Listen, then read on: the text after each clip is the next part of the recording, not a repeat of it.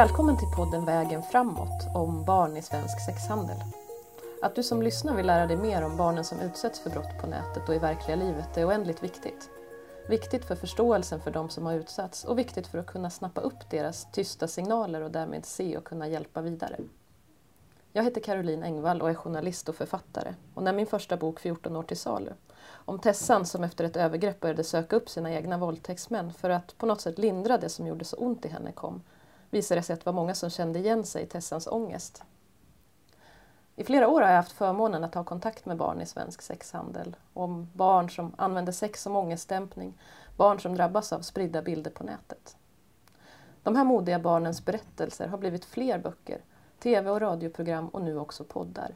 Just för att andra ska känna att de inte är ensamma. Det här avsnittet kommer att handla om vägar och strategier framåt. Och på sajten safeselfie.se finns mer råd och tips och platser dit man kan vända sig om man är orolig för sig själv, sin kompis, sitt barn eller om man till exempel är lärare eller jobbar inom socialtjänsten. Idag kommer podden att handla om en flicka som vill bli kallad Emma. Hon berättar om en bakgrund med två kärleksfulla föräldrar, en vilja att vara duktig i skolan och en nyfikenhet på kärleken, vilket ledde till en kontakt med en lärare som vi har valt att kalla Björn och som visade sig vara mycket destruktiv. Emma berättar om skräcken över att plötsligt befinna sig i en ond spiral av övergrepp som man inte vet hur man ska ta sig ur. Men Emma sitter här idag och har kommit en lång bit på vägen framåt. Välkommen! Tack! Och välkommen också till Moa Mannheimer som är psykolog och enhetschef på BUPs traumaenhet. Och du kommer ju tillsammans med Emma att berätta om det du ser i ditt jobb och om bemötande och hur man ska samla kraft att ta sig framåt. Tack för att ni är här båda två. Tack. Tack. Om vi börjar med Emma, kan inte du berätta lite om hur det var när du var liten? Eh, jo, eh, jag växte upp i en familj med ja, en lillebror och två jättefina föräldrar och väldigt nära släkt, eh, eller liksom band till min, mina kusiner och jättefin uppväxt eh, med djur och allt vad man kan tänka sig. Ehm, jag hade väl ett behov redan som liten att, att alltid vara duktig och att få bli bekräftad. Och, ja, det var viktigt för mig att få känna mig duktig. Ehm, jag, eh, I skolan så presterade jag alltid jättebra. Jag hade högsta betyg. Jag ehm, eh, spelade musik, jag sportade med hästar, jag eh, gjorde allt man kan tänka sig göra. Och, ja, trots det så kände jag mig inte tillräckligt bekräftad. Jag vet faktiskt inte vad det beror på. Men eh, ja, så det, ledde väl, det ena ledde till det andra och eh, jag började söka bekräftelse hos lärare. Eh, eftersom att jag kanske kände att jag inte riktigt fick den typ av bekräftelse hemma som jag ville ha. Eh, och i början så var det väl inte en sexuell bekräftelse jag behövde utan det var bara att bli sedd och få höra att jag var duktig och få höra att jag kämpade på bra och att jag var fin och, och sådär. Um, och en av de här lärarna på skolan då, han var väldigt bra på att ge mig den bekräftelsen. Och um, ja, det blev till slut en relation av det. Um, en konstig relation. Och då var du 14? Ja, precis. Så jag gick i, ska se vad blir det då, då? Sju, åttan och, eh, däremot så hade vi inte sexuellt liksom, umgänge första gången förrän jag hade slutat nian. För det var han väldigt noga med att ingen sexuell kontakt förrän du har slutat för då är det lagligt, sa han. Så att innan det, när jag fortfarande är din lärare, då är det olagligt så då vill jag inte göra det. Um, men i alla fall en månad efter um, skolavslutningen i nian så blev jag hembjuden till honom första gången. Um, och i samband med alkohol och um, massa, massa alkohol, ännu mer alkohol, så ehm, hade han sex med mig och ehm, ja, jag fastnade. Ehm, jag ville inte ha sex. det blev sex ändå. Jag kände väl inte att jag kunde säga nej. ja, och det, det, det, första året av den relationen var ganska normal, eller vad man ska säga. Jag fick jättemycket bekräftelse, jag kände mig speciell och han lyfte upp mig till skyarna och sa du är så mogen och vacker. Och just det där med mogen har jag tänkt på i efterhand, det är ju någonting som man verkligen vill höra i den åldern.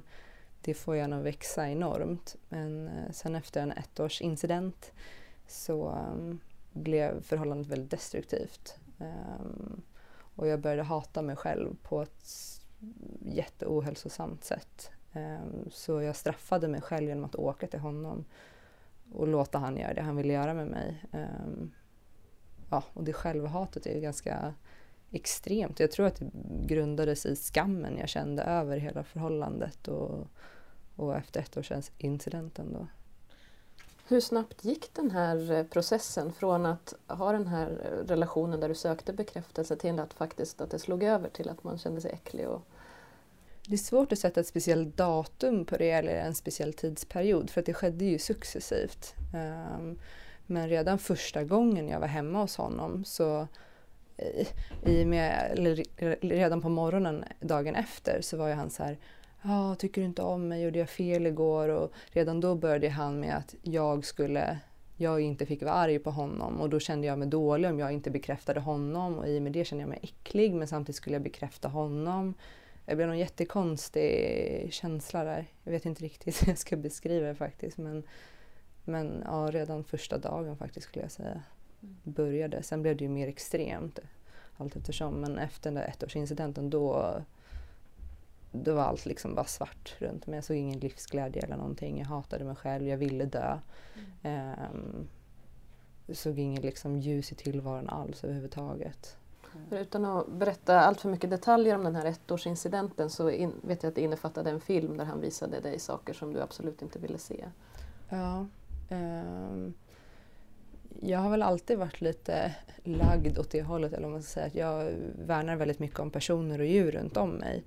Eh, och jag kan hantera att folk är elaka mot mig på ett annat sätt än jag kan hantera att folk är elaka mot djur eller mot barn i min omgivning.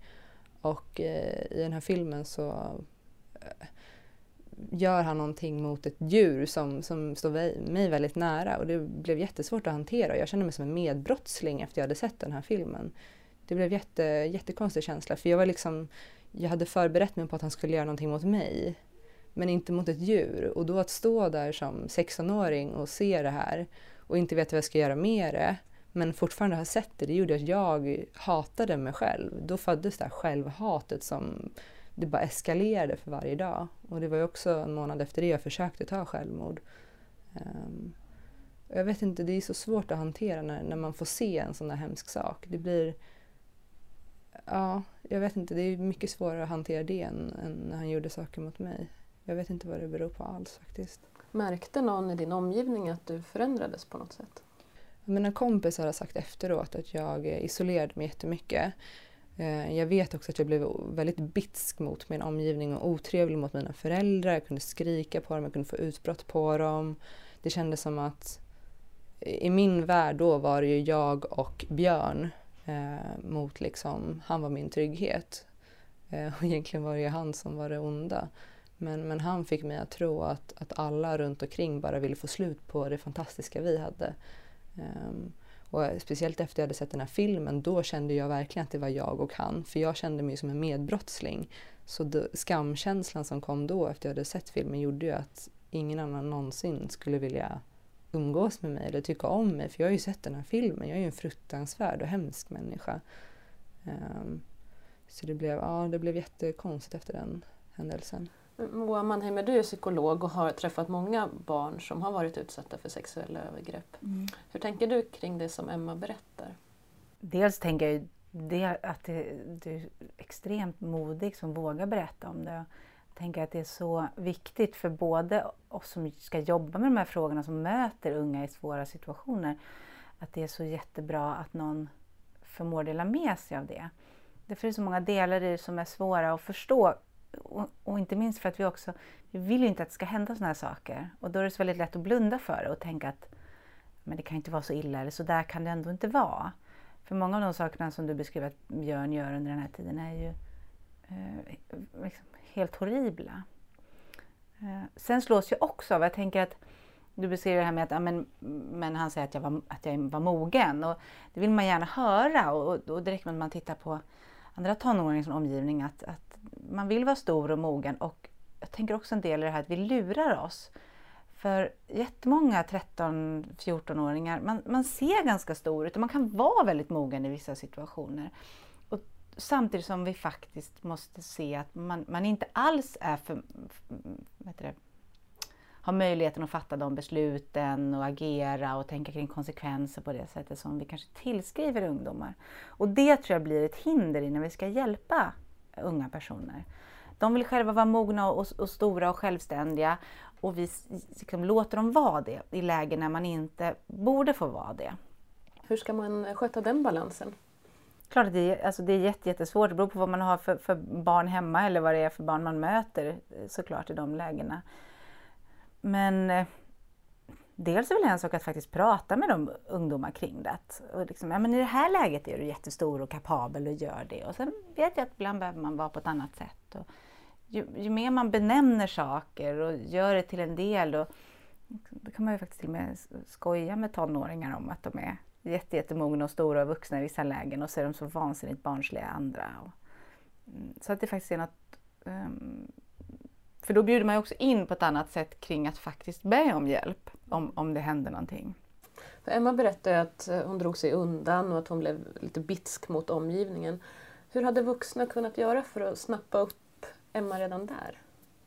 Det är ju det jättesvåra för, för alltså, jag har inte sett dig som 14, 15, 16-åring men, men om du är som många andra så kan man ju vara rätt hemsk och rätt elak och man är effektiv i sin brukar säga det att liksom, tonåringar vet ju vad det är de ska peka på. Mm.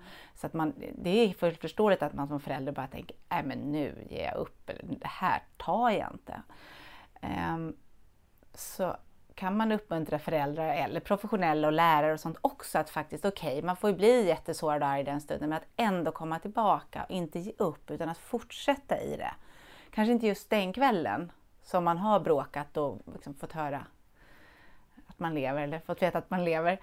Men att ändå göra igen och, och, också att som vuxen vara den som tar rollen av att, att skilja på, på något sätt sak och person. Mm. Och att ta med sig in i diskussionen och säga att du, jag, liksom, jag fattar, jag tar inte det personligt. Så. Jag vet att det känns så där ibland att man säger grejer. Liksom. Jag vet att du inte hatar mig, jag vet att du inte vill att jag ska dö. Så. Men jag vet att ibland känns det på det sättet. Eh, och sen ändå faktiskt liksom, vara där och fråga, är det något jag kan göra? Hur känns det? Vad tänker du? Um, men det är jättesvårt. Och jag är inte säker på att det är just, men hade dina föräldrar gjort något annorlunda så hade det liksom löst saker och ting. För, för man måste komma ihåg i de här lägena att den som vill förgripa sig på ett barn eller utnyttja en annan människa eh, använder alla strategier, alla knep i världen. Så man är ju liksom up against en en jäkligt tuff motståndare. Det har ju du också berättat om Emma, just de här strategierna som Björn använde sig av. Han tjatade, han försökte övertala dig. Mm. Ja, han hade ju ett liksom, det började med att han tjatade och sen att han lyfte upp mig, men du är så fantastisk och jag är så glad att jag har dig. Och sen blev det att, att det var synd om honom. Ja, men nu har jag gjort det här för dig, ska inte du ta hand om mig då tillbaka?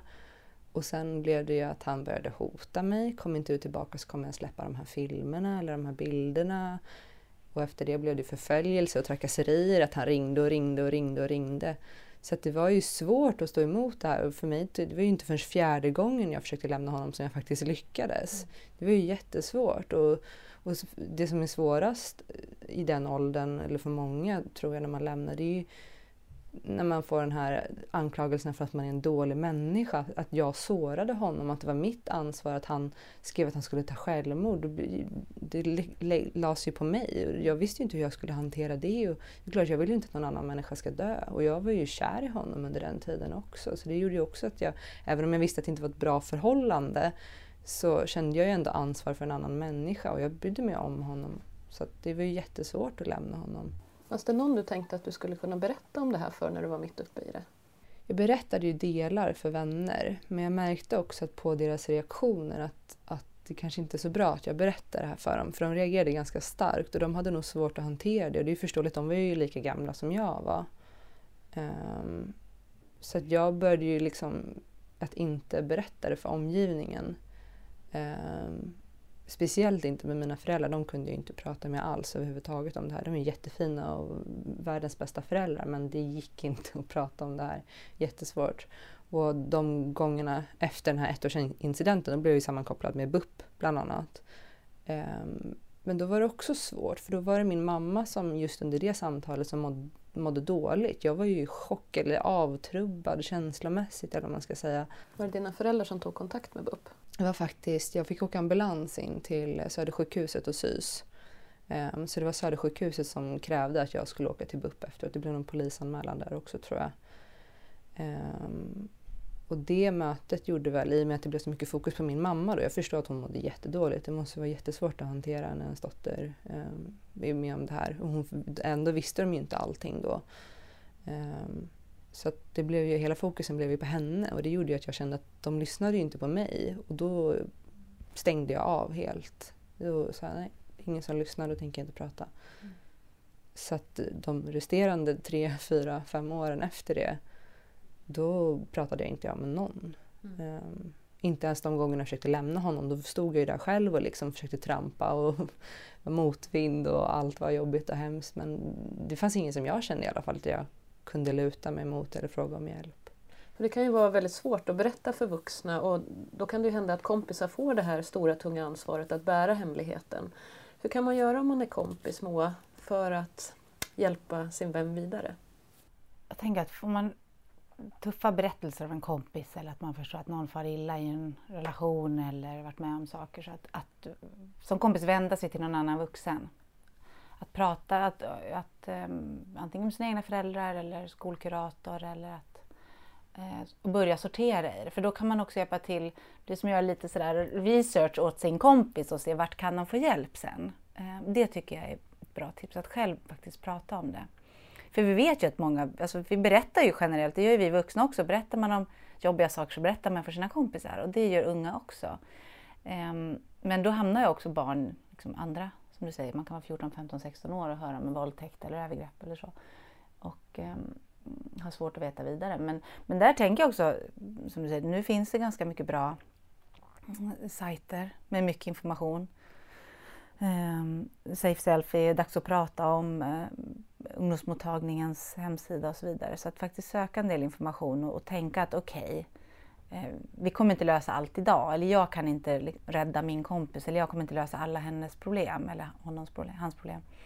Men att jag kan få ta reda lite på vad, vad vägarna ut är.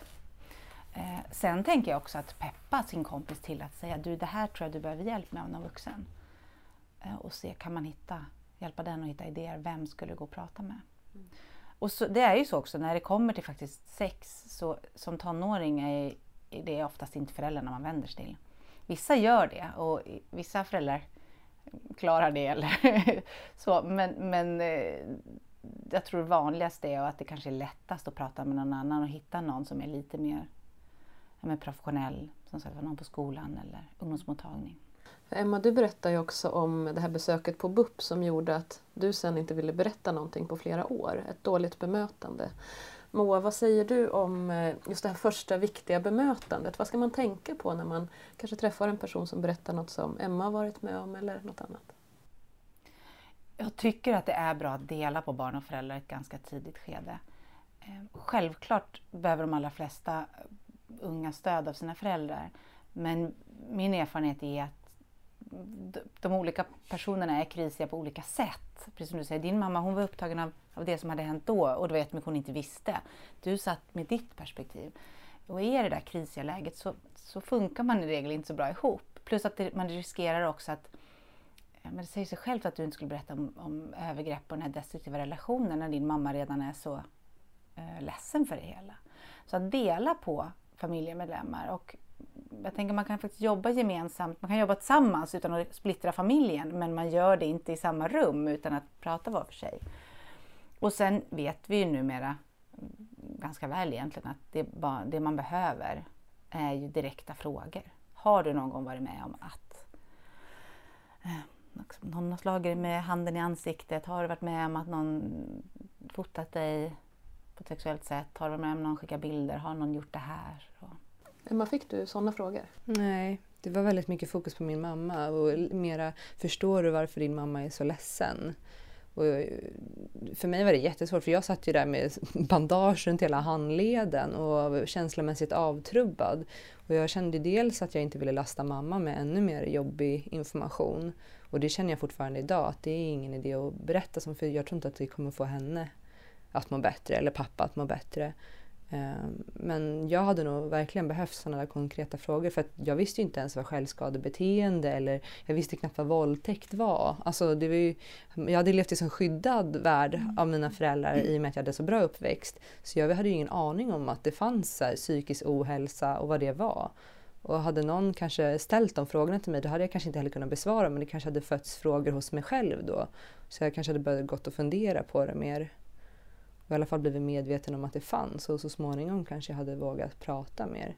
Men jag fick ju inga sådana frågor. Så det liksom, jag visste inte om att det fanns förrän jag var kanske ja, men 19. Mm. Just det här att du hade en så pass bra uppväxt, trygg och med bra föräldrar. Vad tror ni båda att det gjorde för, eh, för omvärldens syn på det som hade hänt eller att man inte såg rättare sagt? Men, vi, dels all vård och jättemycket barns förutsättningar bygger på att föräldrar sköter det och kan hantera det. och sådär. Eh, vi tänker oftast att alltså, ja, men de där verkar bra och, och vettiga personer och sådana saker. Att de, de kan nog hantera problemen. Eh, men svårigheten är ju att det spelar på ett sätt ingen roll hur väl rustade vi är eller hur bra föräldrar vi är eller hur mycket vi har läst alla kurser och böcker och sånt. Ehm, det, det, finns ju inte ens i ens föreställningsvärld som förälder att ens barn ska vara ut, liksom, utsatta för övergrepp av en lärare eller en vuxen eller så. Eh, så att, vi kan inte förvänta oss, alltså man kan vara jättebra förälder i massa andra sammanhang, men att, att som förälder kunna se detta och hantera det. Men jag tror vi blir lurade av att vi vill på något sätt att misär eller utsatthet ska synas. Mm, för det gör ju också världen mer förståelig, tänker jag. Eh, men det gör den inte. Då, eh, och sen finns det verkligen djupt rotat i oss också att så här, men, eh, men, men folk säger nog till om det är något och jag ska inte rota i deras liv. Och de berättar nog om de vill och så. Men våld och övergrepp och utsatthet, destruktivitet berättar vi inte spontant. Det, det gör nästan ingen.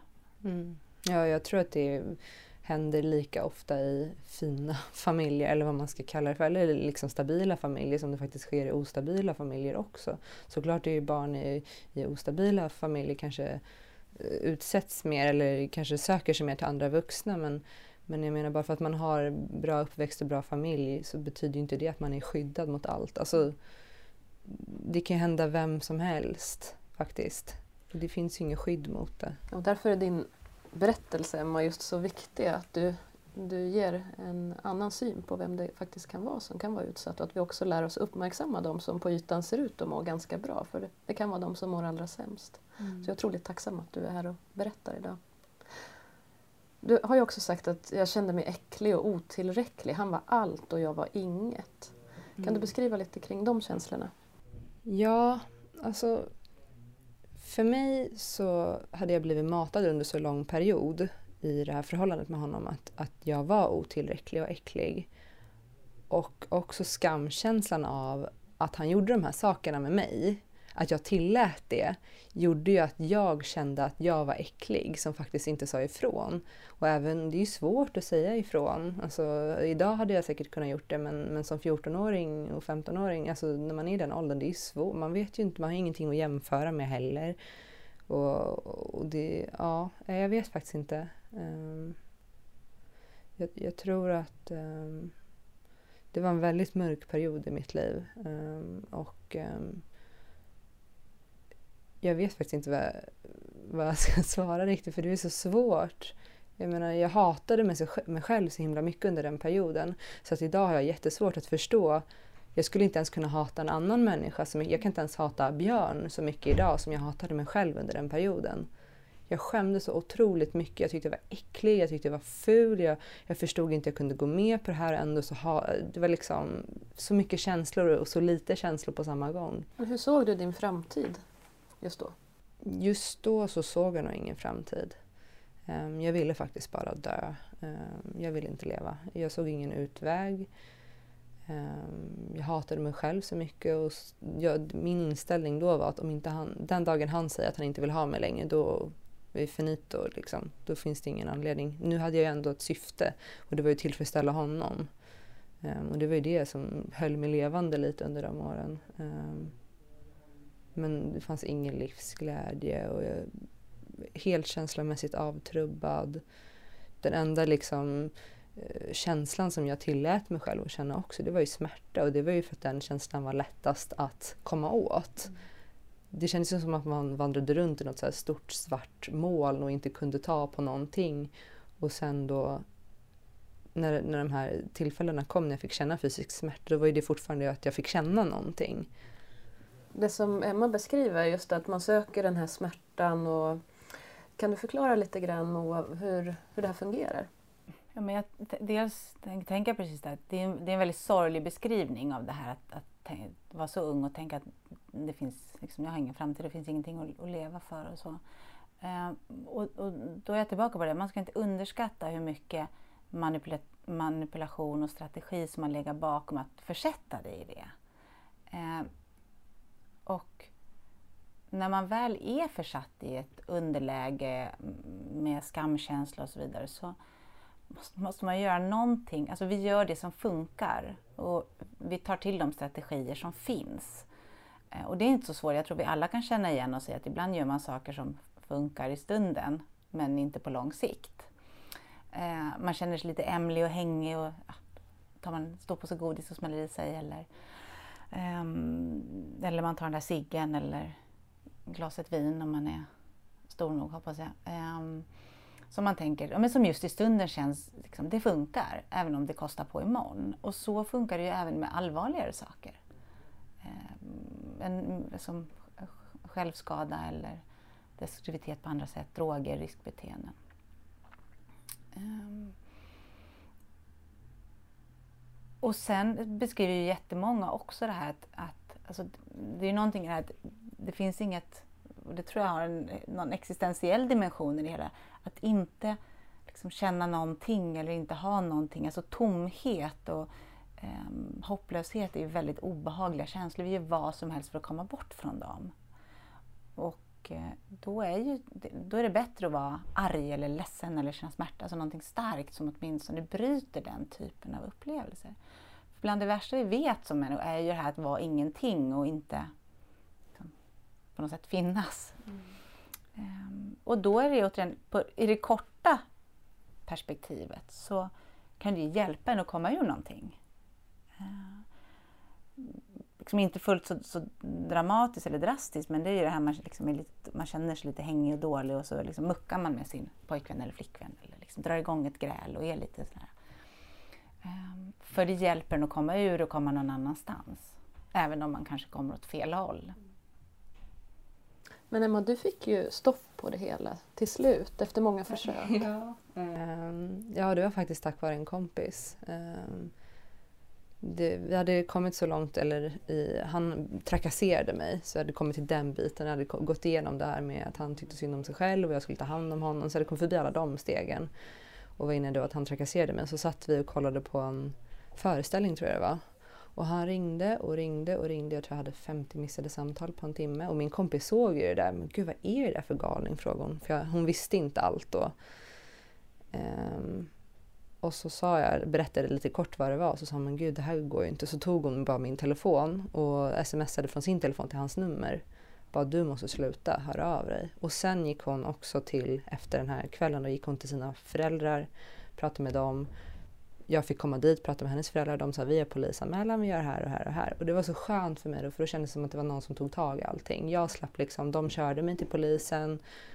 Och man kan ju tycka att, oh, shit, tvingade de dig att göra allt det här? Men för mig var det så skönt att bara känna att okej, okay, de tar hand om mig. Jag kan bara åka med och det kommer att ordna sig.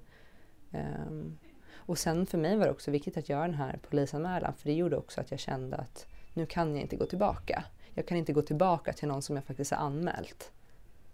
Um, så för mig var det jätteviktigt. Sen var det ju jättejobbigt efteråt. Vad hände då?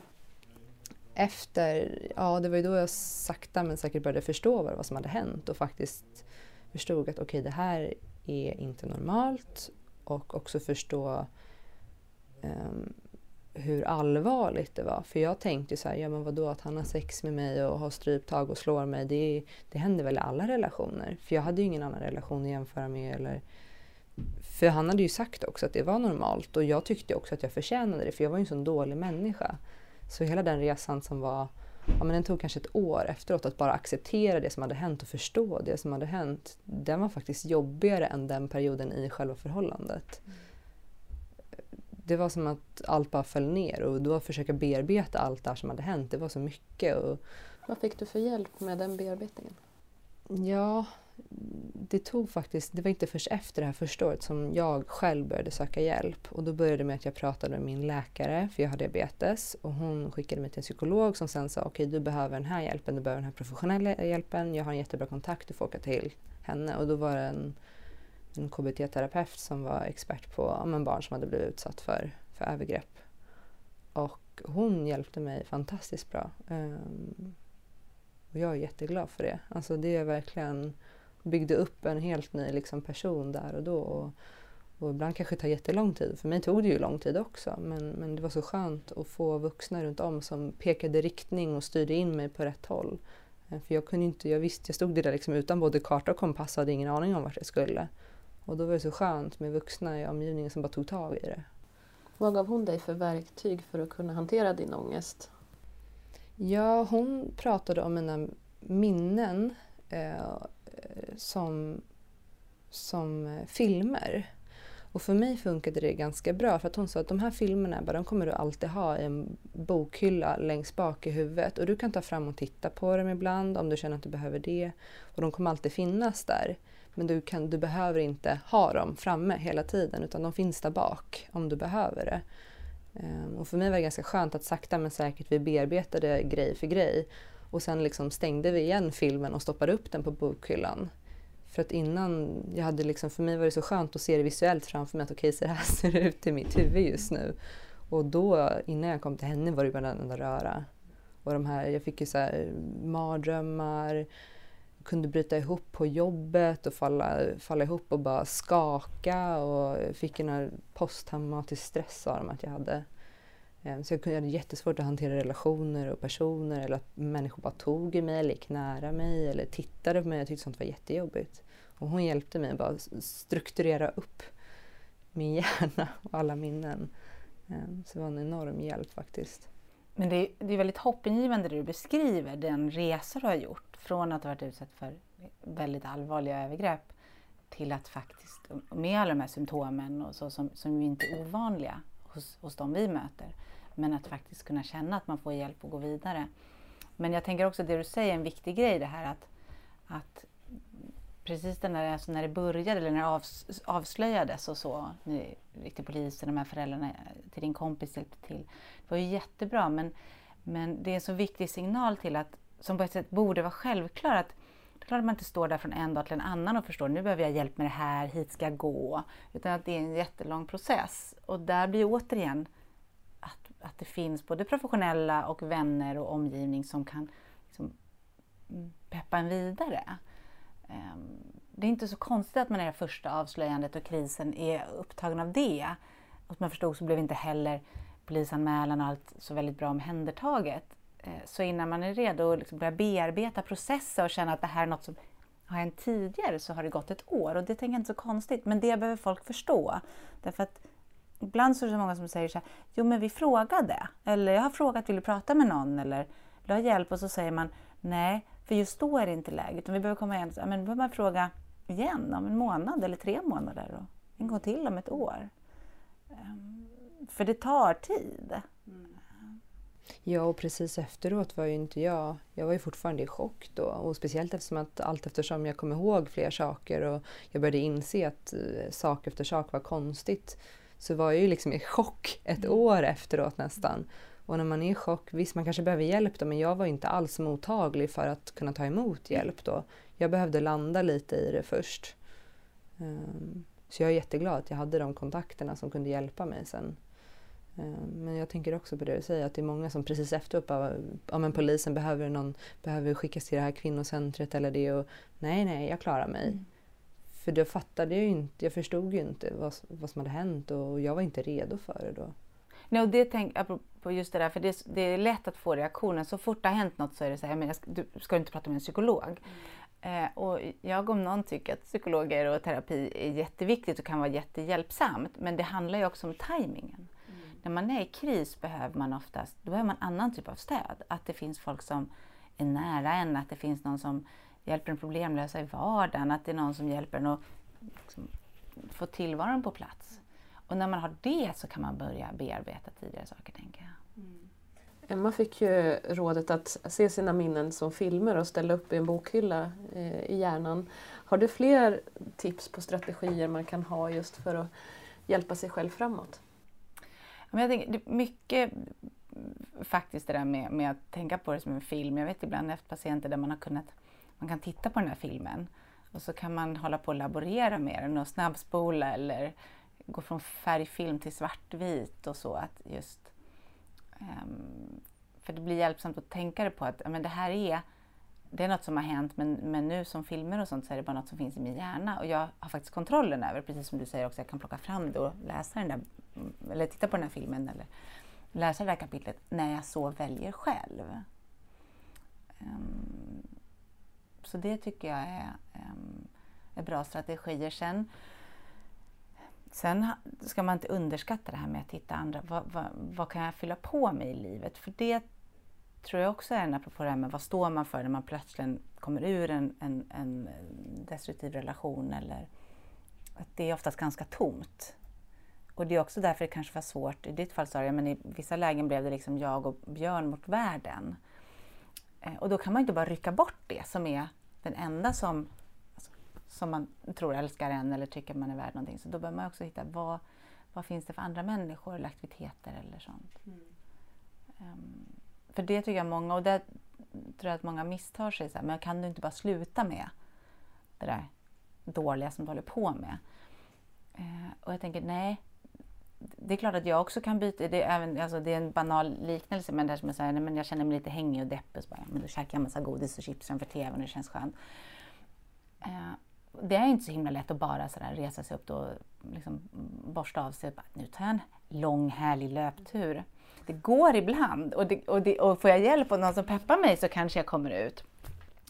Men jag behöver hitta alternativen, jag behöver ha något annat som ersätter. Jag behöver hitta något som, jag kanske inte gillar löpning, jag måste hitta någonting annat. För du skrev ju ett mejl till Björn. Ja, eller han skrev ju ett mejl till mig. Um, först skrev han ju ett mejl efter, det här med polis, efter att jag hade polisanmält honom. Han vet inte om att han blev polisanmäld. Um, då ehm, skrev han först ett mejl med hur mycket han älskade mig, hur fin jag var som person och vacker och gud han höjde mig till skyarna. Och sen två veckor efter det kom ett mejl om hur värdelös jag var som människa och hur, hur hemsk jag var som ja, verkligen, han tog till med alla möjliga ord och verkligen för att försöka trycka ner mig en sista gång. Men, men då, hade jag inte gjort polisanmälan då så hade jag nog gått tillbaka till honom och bett om förlåtelse. Så att för mig var att jag hade gjort den där polisanmälan, det var liksom... Annars hade inte jag kommit över på andra sidan eller vad man ska säga. Det var superviktigt för mig det var så lätt för mig att alltid gå tillbaka till honom för där visste jag vad det var. Men, men liksom, jag hade ju varit med honom under så många år och också i tonåren när man försöker hitta sig själv, vad man är som person. Jag kände att utan honom, då, jag hade ingen aning om om jag ens var en person utan honom. Så att det blev ju jättetomt efteråt som du pratade om. Och det tog ju jättelång tid innan jag hade en aning. Jag hade ju hästar, jag hade vänner och, och liksom försökte fylla upp det men ändå så var det ju bara tomt. Alltså hästarna och vännerna, det fyllde ändå inte upp det där. Men sakta men säkert månad efter månad, år efter år så har jag liksom lyckats bygga upp det där hålrummet igen. Och idag känner jag mig extremt stark som person och handskas med motgångar på ett helt annat sätt. Och inte så att jag inte känner smärta och sorg, för det gör jag, men jag är inte längre rädd för att känna det. Och jag vet att det inte är farligt att vara ensam. Och, och jag vågar be om hjälp på ett annat sätt idag för jag vet att det finns hjälp. Och jag, ja. Idag är du 22. Idag är jag 22, ja. Och eh, allt det här fick ett stopp när du var 20, alltså för två ja. år sedan. Och Snart under sex år så, så var du alltså inne i det här. Hur, hur känner du när du tänker tillbaka på den flicka som var 14, 15, 16? Ja, jag skulle bara vilja ta hand om henne faktiskt. Um, det är så svårt och man ser ju så många, eller jag ser i alla fall, för man, jag känner igen blicken de har i ögonen när man möter dem på stan eller när man jobbar med dem när jag jobbar i skola själv. Eller, jag känner igen den här blicken så himla mycket och jag önskar så mycket att man kunde överföra den erfarenheten jag har så att de kan lära sig från den också, för det är så himla viktigt och försöka hjälpa dem. Och för mig hjälpte det också under den här perioden, det har inte jag berättat, men, men att få läsa andras historier och få höra kompisars berättelser eller kompisars föräldrars berättelser. Eller bara för att känna att man inte var ensam och att det faktiskt finns, att det blir bättre så småningom. Men för mig var det också eh, perioden efter, jag kände mig så stressad. Jag var ju så här, jag måste bli frisk nu, jag måste bli bra nu, jag måste kunna arbeta och vara normal på en gång. Um, och det vet jag ju att det är inte alltså den tiden som tar att hitta tillbaka. För mig har det gått väldigt fort. Eh, men det kan ju ta jättelång tid. Jag tycker inte man ska känna sig stressad över att komma dit så fort som möjligt utan allt har sin tid och man behöver liksom, jag behövde tycka synd om mig själv i ett år och sen behövde jag älta och bearbeta ett år och vara arg ett år. Och det är så mycket som har sin tid och jag tror att det är viktigt att inte påskynda processen utan att allt måste få ta den tid det tar för annars så hittar man inte dit där jag har kommit idag. Fantastiskt. Mm. Men jag tänker också det här med att apropå vad som kan vara du beskriver att ja, men, liksom, bra uppväxt och mm, liksom, föräldrar som bryr sig om, och familj och vänner och djur och sånt. Um, och det är ju lätt för föräldrar tror jag, att känna massa skuld och tänka att jag borde ha gjort någonting annat, jag borde ha sett det här, vad är det vi har gjort för fel och så. Och jag tänker att dels behöver man både komma ihåg att den som har gjort fel är ju någon annan person i det här sammanhanget. Eh, Björn i det här fallet. Men att också se att ja, men det är kanske det där som de faktiskt har gjort som ja, men gett i form av stöd och bra relationer och bra uppväxt som gör att man sen kommer igen. Mm. Um, för även om liksom, din väg har varit lång så eh, är det ett bra exempel på att det går att komma igen. Mm. Och att då betyder de här personerna som finns runt omkring en mycket också. Och det önskar man ju verkligen att alla, liksom, även om vi kan inte skydda människor från att det händer hemska saker, för det gör det emellanåt. Men att få chansen att komma igen och få bra stöd och så, det är ju... Och på tal om stöd så jobbar ju du på en specialenhet som, eh, som kan mycket om sexuella övergrepp när det gäller barn. Men kunskapen finns ju lite grann fläckvis i landet när det gäller de barn som använder sex som en form av ångestdämpning. Vad tycker du Moa skulle behöva hända inom stöd och behandling? Ja, men dels tänker jag att vi behöver bli bättre på i Sverige generellt att ha liksom, nationella riktlinjer och säga att det här, det här måste man kunna erbjuda inom vården eh, i hela landet och så. Och vad är bra att, att erbjuda just för de barn som använder sex som en form av självskadebeteende? Det kan ju se lite olika ut för problembilden kan hänga upp på olika sätt. tänker du beskriva att du har fått eh, någon KBT med, med inriktning på, på, på traumaupplevelser som verkar vara rätt. Vissa måste man jobba lite mer med, med som man jobbar med andra typer av självskadebeteenden. Dialektisk beteendeterapi till exempel. Eller, um, och för andra, för vi träffar också många som, som blir utsatta på det här sättet och som, som fastnar i, liksom får svårt att själva förändra sig. Som, där är också kanske en kombination av att man har andra svårigheter. Man kanske har neuropsykiatriska svårigheter som inte någon har fångat upp eller man har en depression eller ätstörning. Så jag tänker anpassad psykiatri. Eh, och jag tror att, tänka att det, dels måste vi se till att alla faktiskt erbjuder, eh, är utbildade i det oavsett var i landet man befinner sig. Men också, det tror jag mycket av det här handlar om att, att man bestämmer sig för att vi frågar alla unga vi träffar. Och vi måste fråga unga.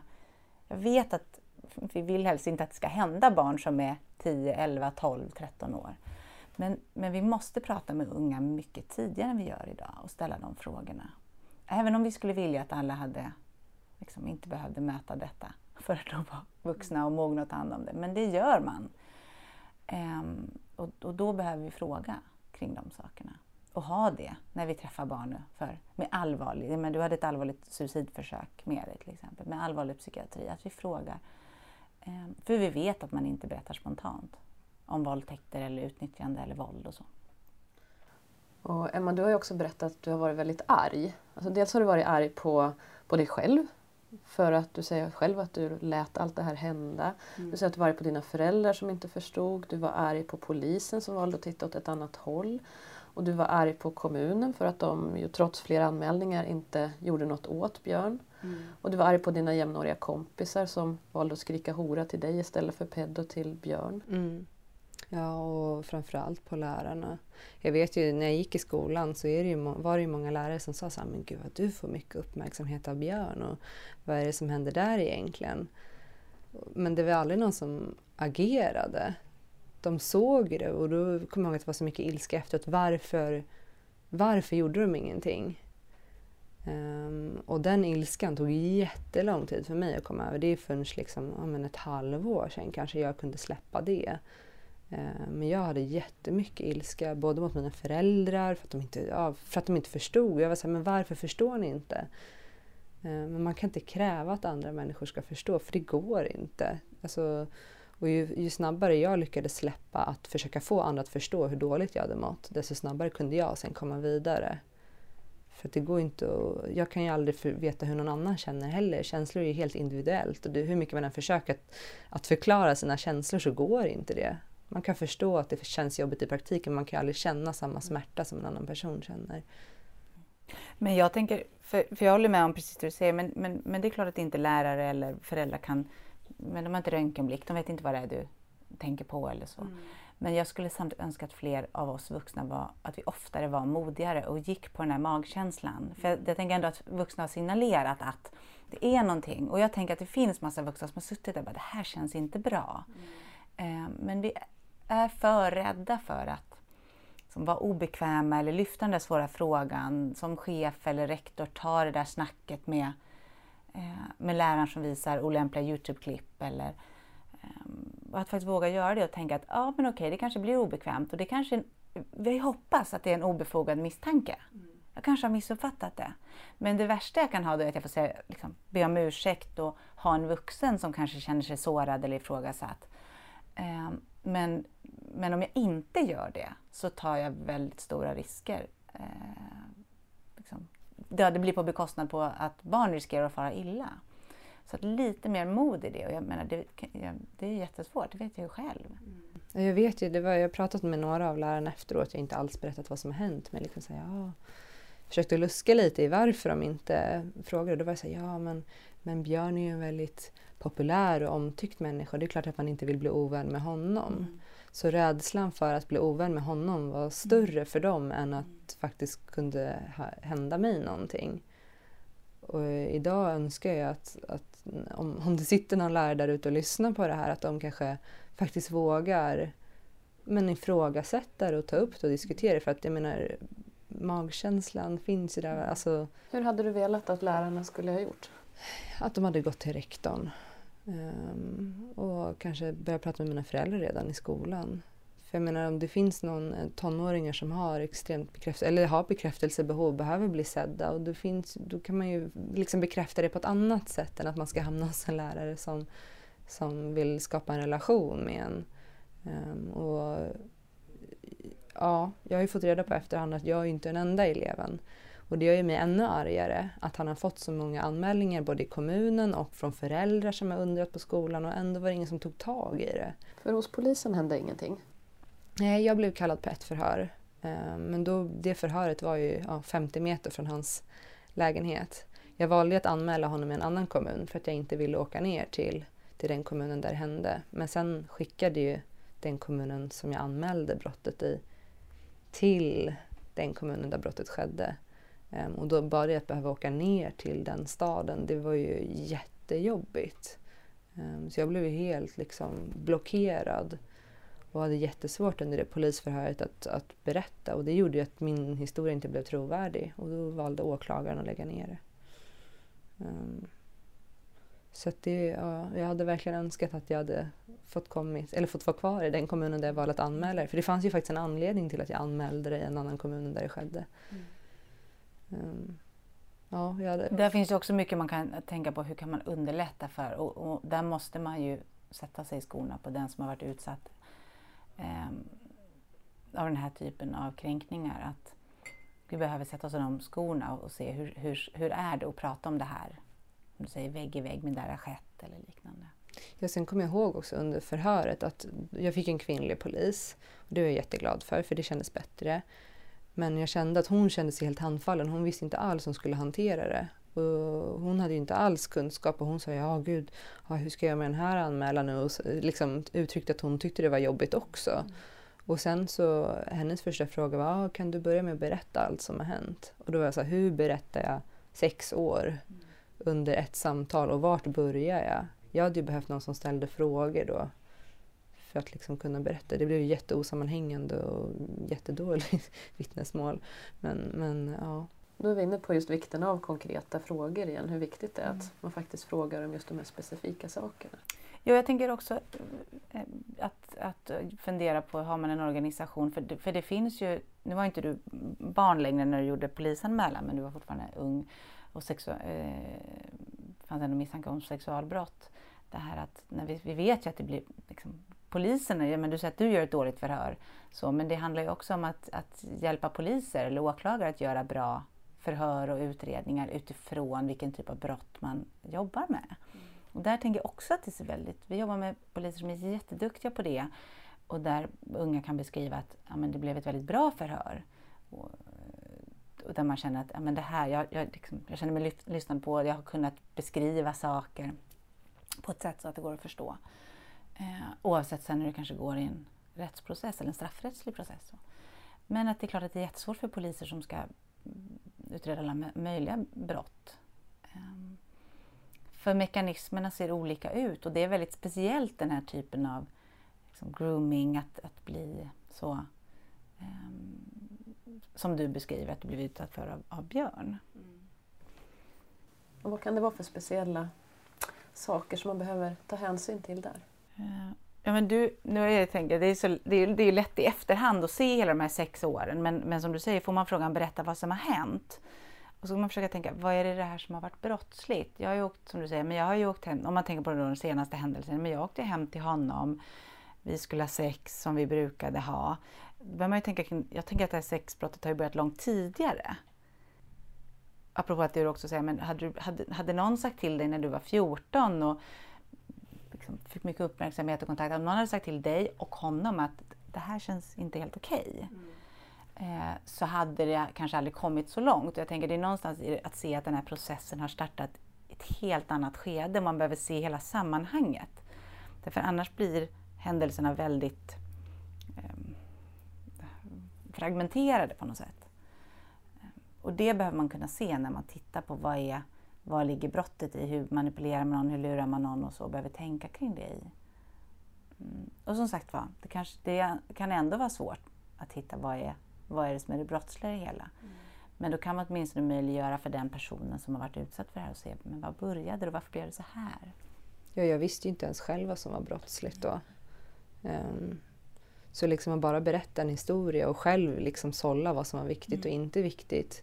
Det är jättesvårt när man inte förstår alls vad som har hänt själv. För det var ju liksom precis, då hade inte ens det här året gått när, när jag hade förstått vad som hade hänt utan jag var ju fortfarande i chock, chocktillstånd och då försöka få ur sig allt Ja, och kunna sortera. Ja. Handlar det om olaga hot eller handlar det om eh, en våldtäkt mm. eller är det en fridskränkning? Eller, det är klart man inte kan det när man är ung person eh, och sortera i. Och när det är så många olika händelser och, och se vad är... Men det som jag tror lurar omvärlden och människor är att det är inte så att, att den här utsattheten eller utnyttjandet börjar ja, men när du var 16 eller 17 och, och det kanske var våldsamt sex du blev utsatt för. Utan det börjar ju i det han gör liksom, för att få din uppmärksamhet och kärlek redan i åttan som du beskrev. Ja, ja men som med den händelsen när jag skadade knät och jag frågade ja, om hjälp med mitt knä och han erbjöd sig då att hjälpa mig att visa hur man skulle linda knät. Och jag fick komma in i idrottslärarens rum och sitta där på britsen och, och tog av mig till trosor och satt framför honom. Och, och hans smekningar liksom gick högre och högre upp på låret. Det, det, det, började, det var ju normalt men samtidigt var det så svårt för att okej okay, nu, nu ska han hjälpa mig här men det kändes ändå inte helt okej okay, eftersom att händerna var ju inte bara på knät. Och jag, ja, jag vet. Och det, det där tänker jag är så, det är så smart av den som vill utnyttja någon att använda sig av det där. Eh, men där blir det ju eh, extra utmanande om man är idrottstränare eller eller lärare på något sätt Om man har närhet. Och det jag tänker Patrik Sjöberg och hans beskrivningar av sexuella övergrepp i samband liksom, av en tränare. Eh, där man, den som utsätter utnyttjar det faktum att man har kroppskontakt, att man är nära i det, att man får ta på personen i fråga. Um, vilket gör det väldigt lätt att det här successivt går över gränsen. Ja, och de har ju så himla viktig roll också, eh, både lärare och tränare. Och, alltså det är allt från, från i hästvärlden med, med manliga tränare till fotbollsvärlden till lärare. Vi söker ju, eller ungdomarna säger vi, men ungdomar söker ju sig till dem för bekräftelse och, och, och det är så himla viktigt, de har så viktig roll att då själva kunna markera att nej, jag kan hjälpa dig med det här men inte med det här. Mm. Ehm, för att barnen eller ungdomarna, man förstår ju inte den åldern vad som är rätt och fel och vad som är över gränsen och inte över gränsen. Och då är det så viktigt att de vuxna Ja, för, för, för, det är ju inte ungdomen eller barnet som ska ta det ansvaret utan det är ju de vuxna. Mm. Och de allra flesta tränare och ledare och lärare är ju jättemåna om det och har väldigt bra koll på det. Men de som har andra, Eh, andra syften med det hela utnyttjar det faktumet. Mm. Och skyddar sig också bakom det. Att ja, men jag hjälpte ju bara Linda ett knä eller um, jag vill bara stötta dem i sin träning. Och sådär. Vad tänker du idag Emma kring Björn och det han gjorde och också risken att stöta på honom igen? Ja, jag har ju faktiskt stött på honom en gång um, och då blev det ju chockprocess. Ska, satt och skakade och hyperventilerade och fick någon typ av panikångestattack. Um, det som, mitt mål efter det här det var att han inte skulle få jobba med barn och ungdomar mer. Um, så det stred jag ganska hårt för en period. Jag tog hjälp av min morbror också som jobbar som polis. Och vi gick upp till kommunen och sa nu måste ni göra någonting. Eller min morbror sa nu måste ni göra någonting åt det här. Och jag fick lämna ett långt vittnesmål och de anlitade en jurist som faktiskt var jättebra och undersökte allting och tog in alla lärare och frågade. Och det gjorde ju att ja, i och med att den här juristen då gjorde sitt jobb och undersökte allting så fick de ju fram saker som polisen inte ens hade varit och nosa på. Så idag jobbar ju inte han med barn och ungdomar. Han jobbar ju som ja, eh, vad heter det? personlig assistent istället. Och det kanske inte heller är så lämpligt. Men för mig var det viktigt att få bort honom från barn och ungdomar i alla fall. Um, och framförallt eftersom att jag då under den här utredningen som kommunen gjorde fick reda på att jag var en av många tjejer. Mm. Um, och jag vet att jag inte hade något ansvar men för mig var det viktigt att känna att jag hade gjort någonting bra i alla fall. Um, det, fick ju, det byggde ju på mitt självförtroende efter allt som hade hänt att jag faktiskt kunde göra bra saker av det som hade hänt. Ehm. Det är imponerande att du, att du har orkat driva det. För, för jag menar, du har ju, alla hade förstått om du bara hade fått jobba på få ditt eget liv ja. i ordning. Så det är jättehäftigt. Eh, men också sorgligt att det är du som ska driva det. Och då är det återigen, ja, men man har en bra morbror eller man har någon annan som, som kan stötta en i det. Mm.